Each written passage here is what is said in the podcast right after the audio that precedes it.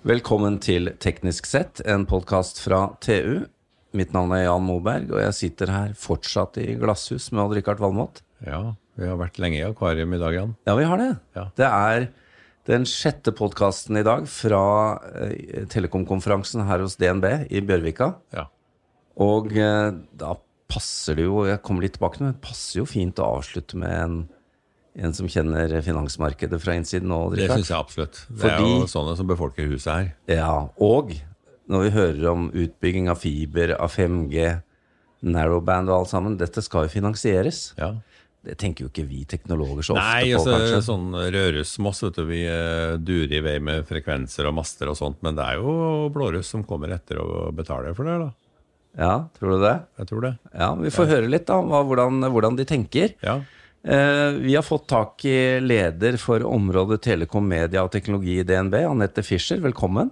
Tusen takk for Eller, vi er jo hos deg, faktisk. ja. Ja. Eh, Vi er jo nysgjerrige. Eh, Vi har hørt litt om fiberutbygging i Norge her i dag. Og vi skjønner jo også at det er kanskje de, de siste delene av dette her som koster mye. Men dere er jo på finansieringssiden. Hva, de store bedriftene kommer til banken og sier du, nå skal vi bygge ut. og Hva tenker dere da? Risiko? Altså, hvordan henger dette sammen egentlig? Nei, ja, de store bedriftene de kan si de kommer til oss, eller egentlig så prøver vi å komme til dem, kanskje mer. Og en av grunnene til at vi er her i dag òg, det er jo for at vi ønsker å vise at vi er relevante partnere for eh, kundene våre. At vi forstår den industrien de opererer i. Men eh, men ja, vi, vi tenker særlig i dag på, på en telekomkonferanse, så har vi jo snakket mye om eh, fiberutbygging. Vi har snakket eh, en del om de store fiberkablene over til andre land. Eh, selv har vi snakket litt om fiberutbygging utenfor Norge og Norden. Ja, for dere er jo, er jo også ikke bare norsk på engasjementene, dere er jo også i Norden og Europa. Ja, det stemmer. Vi Ja. gjør eh, ca. 30 eh, av eh, vår forretning er i Norge, og resten er utenfor. Mm. eh, I Europa, hovedsakelig. Så Du, du nevnte noe tall før sendinga her om at uh, Norge nå, der er det omtrent 50% som er kobla til nettet med fiber.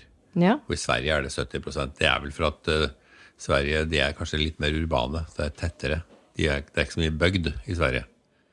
Men når du ser på land som England og Tyskland, så er det, var jo sjokkerende lave tall. Ja, det, det stemmer. Eh, Du har land som Storbritannia har en ca. 2% fiberandel av total bredbånd. 2? 2 Én, ja. to. Ja. Det er, Odd-Rikard, det er jo ingenting. Nei, altså det, det er helt ufattelig. ja. Tyskland er ikke så veldig mye bedre. Ikke Belgia, ikke Østerrike heller. Men dette er jo land hvor det er lett å stikke fiber i jorda i forhold til Norge. Hva, Ja, det, hva er skjer? jo, det er jo bare jord. Vi har jo fjell og snø og alt mulig rart. Hvorfor er det sånn? Nei, historisk så er det vel eh, fordi vi i Norge og Norden så har mye av utbyggingen vært eh, direkte eller indirekte offentlig. Gjennom kommuner, kraftselskap og ikke minst også markedslederne tatt eh, en ledende rolle i det å bygge ut fiberen. Eh, det har de ikke gjort i disse landene. Der, eh, der er det opp til privat kapital. Og du ser markedslederne, de er eh, fortsatt eh, tynget godt med gjeld etter utbyggingen av, av 2G og 3G. Det har ikke kommet seg, unna, har ikke kommet seg forbi det engang. Nei. Nei. Altså Den der vanvittige prisingen av 3G-frekvensene, det, det har preger vel en del av telekombransjen i Europa enda. Ja, det gjør det. Det gikk jo helt av skaftet. Mm. Der var jo, var jo Norge litt mer fornuftig. Ja. Så der har det vært, eh, blitt bedre i, i Norge. Men eh, hvordan skjer nå da finansieringen av dette, dette her? Det er jo kostbare prosjekter å, å bygge ut. Ja, absolutt. I, I Norge og Norden så, så ser vi jo, særlig i Norge, så har vi jo eh, selskap som har høye inntekter og har eh, lav gjeld i dag. Så de har større grad av eh, muligheter til å finansiere selv eller få god finansiering fra bankene sine. I Europa så ser vi nå, vi sett en økt trend i særlig fra infrastrukturfond.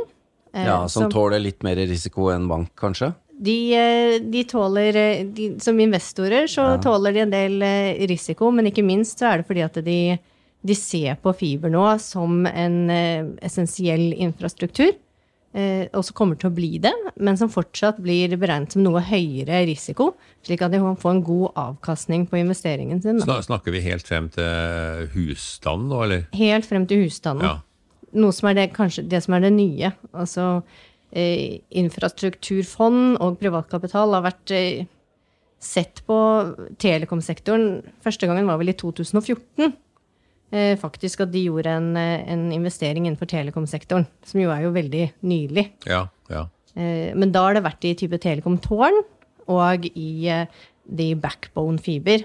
Ja. eh, Med lange kontrakter. Så det er først det siste året ett og et halvt året, at du faktisk ser at de har investert i fiberutbygging til husstandene. da. For det er jo også en trend at, eh, at deler av infrastrukturen til teleselskapene også blir lagt inn i egne selskaper. og det er, det er jo mye, mye Ja. som skjer egentlig på bakrommet som vi ikke ser. Ja, det, det er en av de eh, områdene som har vært eh, veldig attraktive både for banker og investorer, er jo også det, det å skille ut eh, telekomselskapenes infrastruktur. Og det er mange grunner til at de gjør det, men en av grunnene der også har jo vært av en, da, en måte å få ned gjeldsgraden sin på, til å kunne gjøre andre investeringer. Da. Så det er kanskje lettere å få flere til å bruke det sammen hvis ikke bare én aktør eier det. Det også. Storbruk. Burde norske aktører ha en, kunne spille en rolle i eh, sånn som Tyskland og England og Nederland? Og, fordi de har Her har vi kommet så langt. Det, Eller er den kunnskapen spredd nok? Det kan hende. Eh, samtidig så er det klart at innenfor denne sektoren så er du veldig avhengig av eh, politiske rammeverk. Ja. eh, Det å forstå reguleringer, eh, ja, snakke inn mot eh, myndigheter osv. Så, videre. så det er klart, det, det gjør jo egentlig type fiberutbygging ganske landspesifikk. Ja, det eller regionspesifikk. Ja, Og så er det mye gravemaskinintensivt. det er det.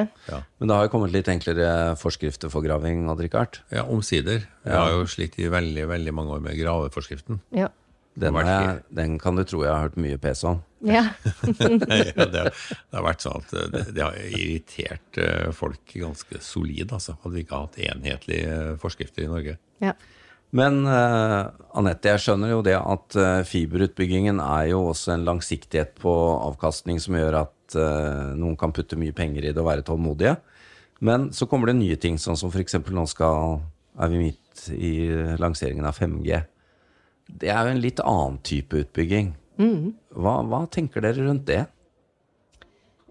5G-utbyggingen for oss har nok eh, den kan, den kan selvfølgelig gi enkelte muligheter for at vi kan tjene penger innenfor rådgivning eller, eller finansiering, men først og fremst så eh, er det det å forstå hva 5G-utbyggingen innebærer, hva det kan ha å si for eh, konsumentatferd over tid, og Ja. hvordan ikke minst hvordan andre industrier kommer til å bruke denne teknologien. For, for oss er det viktig å forstå dette her for å se eh, trender og ikke minst mulig disrupsjon og andre trusler. Da. Vi som er i bank, vi er jo nedsideorientert, for å si det sånn. Vi ser Ja. mest på risiko, Ja. ikke så mye på oppside. Så, så, så, så det er viktig for oss, for oss å kunne vurdere ikke minst andre sektorer fremover, da. Ja, for det, det, dette kommer til å gripe inn i veldig mange sektorer. Ja, 5G, det er vel manufacturing, altså industriselskapene som man ser nå det kan Ja. ha en størst påvirkning på. Ja. For dere ser jo hvordan, hvordan moderne telekom som kommer inn i alle kanaler nå, Ja. endrer dramatisk andre sektorer som ikke er i nærheten av telekom. Ja, absolutt. Så, det, så sånn sett så har jo eh, denne sektoren fått eh, mer og mer fokus også internt i banken på den kompetansen eh, vi besitter i det å forstå telekom og, og IT. Da. Ja, og nå har vi hatt en runde her i løpet av sommeren og høsten hvor en del retail, eller altså kleskjeder spesielt, av den type ting, sliter. Og helsekostkjeder og greier, det går rimelig fort da når det, når det først snur. Og det er vel mye teknologi. En ting er brukeratferden, som du er inne på, men det er jo også netthandel og det, Jeg er jo forundra over hvor fort, det, hvor fort det skjer når det først skjer, da Ja. sportskjeder og den type ting. Ja, det, det skjer veldig fort når det, når det Ja. først skjer, og det er klart eh, Det er også en sånn Vi er veldig opptatt av å forstå bransjer, men det, det har jo blitt viktigere og viktigere for oss å, ha forståelse på tvers av bransjer også. Fordi at eh, er du for innadfokusert i din egen bransje og det du selv holder på med, sånn som med retail, så kan du kanskje si at du ser ikke det toget som kommer, da. Det er der eh, kanskje noen av den største trusselen ligger. Det skjuler seg i skogen. Ja. Så går det veldig fort når det først skjer. Du, Ja. Lenge på vent, og så går det fort. Ja, jeg, jeg tror det er et ganske godt eksempel. Altså, fordi at eh, når Amazon kom, og det må jo være 20 år siden, og du kunne kjøpe bøker på nett Det er jo det første siste året at netthandel har eksplodert.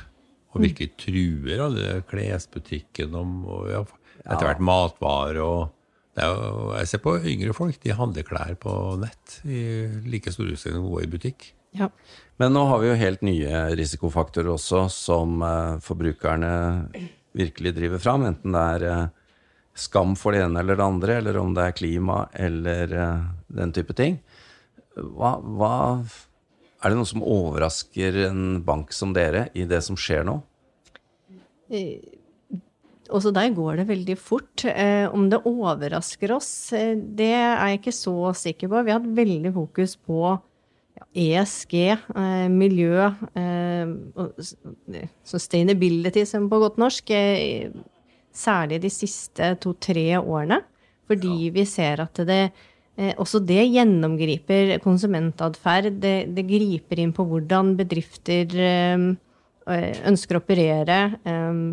Vi ser jo en voldsom økning nå, særlig de siste ett til to årene, på sånn eh, bruk av grønne lån, grønne obligasjoner. Eh, også de kaller det sånn sosiale lån og, og obligasjoner, som kommer mer og mer. Og særlig det siste året så har vi sett en eksplosjon i etterspørselen også fra eh, selskapene, da. Jeg tror eh, du bør snakke med finansbransjen om å lease deg en virtuell båt, Jan. For du har litt Nå må du la den båten ligge ved kai, Rikard, ikke dra fram den. Da. har en stor poengsmotor ut av båtskam. Anette, det der det er bare sånn. Jeg kommer innimellom. Men uh, vi må jo trekke fram da at i dette bildet så har jo også dere vært flinke med VIPS. Uh, det er jo faktisk også et uh, produkt eller en løsning som bidrar til å endre brukeratferd. Og så dere er jo litt ute etter å utfordre markedet selv òg. Ja, og det Altså, la, en lærdom fra som på VIPS, og som en, mange andre for så vidt også har gjort, er jo den derre Skal du Du er nesten nødt til å noen ganger disrupte deg selv, da. Ja. Ikke sant? Og det er eh, Men du får noe mer kanskje lenger ned i, i veien. Du kan tenke sånn på retail også. også. det er vondt å skulle legge ned en masse eh, ja, butikker. Eh, og, fordi det, det er vondt på kort sikt, men du er kanskje nødt til det for å tjene penger på lang sikt. Mediebransjen var jo litt av det samme, ikke sant? Det, er- det er vondt å eh, i en periode miste en del inntekter pga. å gå over til digitale flater, men du er nødt til å gjøre det for å eh, overleve på lang sikt. Eh, Ja da, Vipps er jo det- ikke helt på overlevelsesstadiet, men du er nå i hvert fall eh, Ja. Du må være med, og du må være med litt tidlig, da. Og, og selv om du kommer endre. dit med en løsning, så er det ikke et eh, rolig sted å være heller. Du må fortsette å innovere. Ja. Og det var ikke alltid Mm. slik før. Det gir seg aldri. Ja, så Digitaliseringa vi ser rundt nå, det har vel ikke vært noe lignende siden Gutenberg fant opp trykke, trykkekunsten? Nei. Det, og boka kunne spre seg. Ja. Hva ser eh, du i krystallkula nå, da? Har du noe du kan fortelle oss om eh, innenfor denne sektoren? Eh, Telekom, media og teknologi? Noen innsidetips. Noen innsidetips, det er jeg usikker på om jeg har. Men jeg, eh, det, det vi ser på, er jo at det, det er en Det er jo veldig mye privat kapital der ute nå. Eh, Ja. Og de er som leter etter avkastning på pengene sine. Du har veldig du har jo negative renter på euro og andre valutaer, og det gjør jo, som jeg eh, vil forfekte, at du er nødt til å se til Europa også i Norge, eh, selv om vi ser, ser på mange måter bedre ut enn en resten av Europa nå, så kan du også si det at eh, du har, hvis du fortsetter å ha like mye privat kapital der ute, så kan det skje en del ting. F.eks. at du det blir sett på, Selv om du ikke ser på det som rasjonelt å bygge dobbelt med fiber i dag, så kanskje det er aktuelt over tid. Kan an, bruke noen andre teknologier og investere i det, sånn at du kan få prispress også på det du anser som eh, trygt og godt og skal gi en stabil kontantstrøm over tid nå kanskje vil eh, stå over et større press over tid, da. Altså konkurrerende fremføringskabler? Ja, at det, det er ikke alltid ting er like vil vise seg um, å bli det som du anser som rasjonelt i dag, Nei. ikke sant? og ikke bygge ut mer. Men hvis det finnes så mye kapital der ute som trenger å, å sette pengene i arbeid, så Ja. kan du få noen til at det skjer, eh, skjer grep som ikke er rasjonelt. da. Ja, Sett i dag. Det, det er jo det store spøkelset om hva som kommer rundt neste sving. Og alt, det er ikke alltid det er substitutter heller, eh, sånn rent, da. Eh, Vi hadde jo et eksempel her med digitaliseringsministeren på morgenen i dag, som eh, jo erkjenner at det å bygge ut de siste prosentpoengene av dekningen vil jo alltid koste mest. Ja. Da kan det hende du tar i bruk nye løsninger, da. Så um, dette er utrolig spennende å følge. Jeg tenkte å avslutte med et uh, eksempel som ikke, ikke ligger under ditt område, men uh, Thomas Cook Travel gikk jo konkurs her. Og der var jo Ving Nordic reisebyrå var jo Lønnsomt. ikke, ja, det var jo ikke vanskelig å få snudd den igjen uh, og solgt videre. Og det var jo rett og slett fordi de var så gode på teknologi og på digitalt. Og det viser jo også da at det går an å jobbe seg opp en posisjon og sikre seg en god framtid hvis du tar inn over deg eh, konsumentbehovene tidlig. Ser du, ser du noen som burde jobbe bedre, eller ser du andre gode eksempler på det? Ja, nå kan jeg ikke kommentere på enkeltkunder, men eh, det er jo mange som er gode nå. Men det er jo som du sier, det, det er også veldig mange som må eh, arbeide bedre òg. Altså at man må Man må kanskje noen ganger ta de, de vonde skrittene og disrupte seg selv, da. Ja. Eh, til en viss grad, i hvert fall. Hvis du skal eh, eh, sette deg opp for fremtiden. Det er jo passende avsluttende ord, det, Odd-Rikard.